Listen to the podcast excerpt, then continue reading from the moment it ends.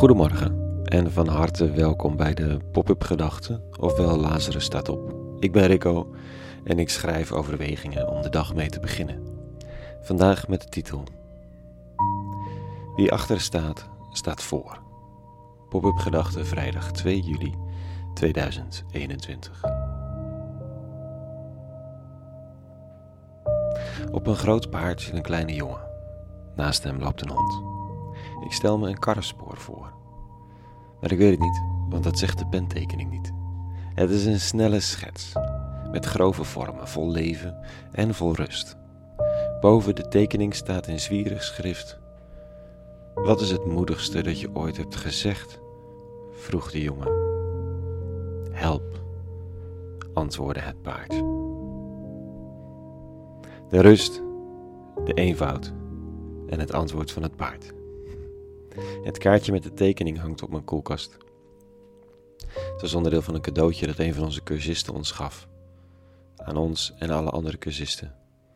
We hadden de basis cursus activisme, die we heel recent ontwikkeld hebben, vier avonden over hoe je vorm geeft aan je idealen, bijna afgerond. En hij wilde iedereen alvast bedanken. Een vrij briljante quote voor een paard. Help, als het moedigste. En ik vraag me af waarom zoiets zo raakt. Waar staat het haaks op?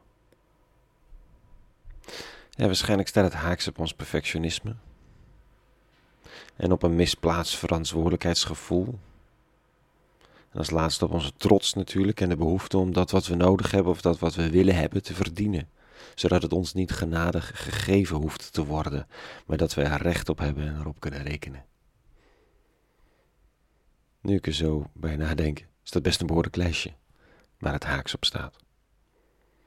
Perfectionisme allereerst, het goed willen doen. Op zich past help daar wel tussen. Je kunt het prima goed willen doen door hulp te krijgen van anderen, maar vaker trekt de perfectionist zich terug tot het volmaakt is om het dan te durven presenteren. Want voor help moet je je in de kaart laten kijken.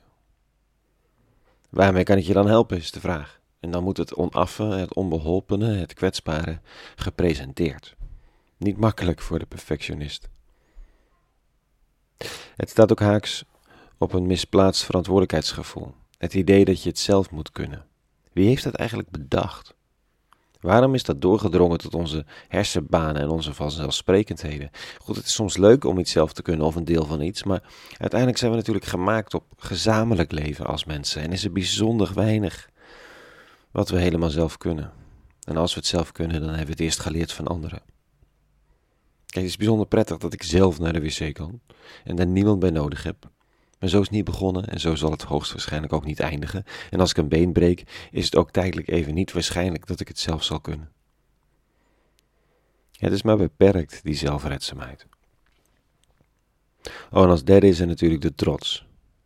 En de behoefte om recht te verkrijgen op datgene wat we willen. Liever ons opwerken en iemand opdracht kunnen geven om te doen wat wij niet kunnen, bij voorkeur betaald, dan de hand op moeten houden en help roepen en wachten op genade. Het simpele antwoord van het paard staat haaks op veel van onze intuïties. Dus paard blijven rijden dan maar, met een hondje naast ons. Is het niet in het echt, dan wel in ons hoofd. En luisteren naar de rabbi. Dat ook. Want hij zegt iets vergelijkbaars vanochtend als de wetsgeleerde van zijn dagen, de religieuze en politieke elite, en als Rabbi het verwijt maakt dat hij met landverraders en foute mensen rondhangt. Dit staat er. Toen de fariseërs dat zagen, zeiden ze tot zijn leerlingen, waarom eet uw meester met tollenaars en zondaars? Hij hoorde dit en zei, ehm, niet de gezonden hebben een dokter nodig, maar de zieken Ga heen en leer wat het zeggen wil. Ik wil liever barmhartigheid dan offers. Ik ben niet gekomen om rechtvaardigen te roepen, maar zondaars. Oftewel, wie achter staat, staat voor. Help is het moedigste. Dat is het wel voor vandaag. Een hele goede vrijdag gewenst. Een goed weekend. En vrede. En alle goeds.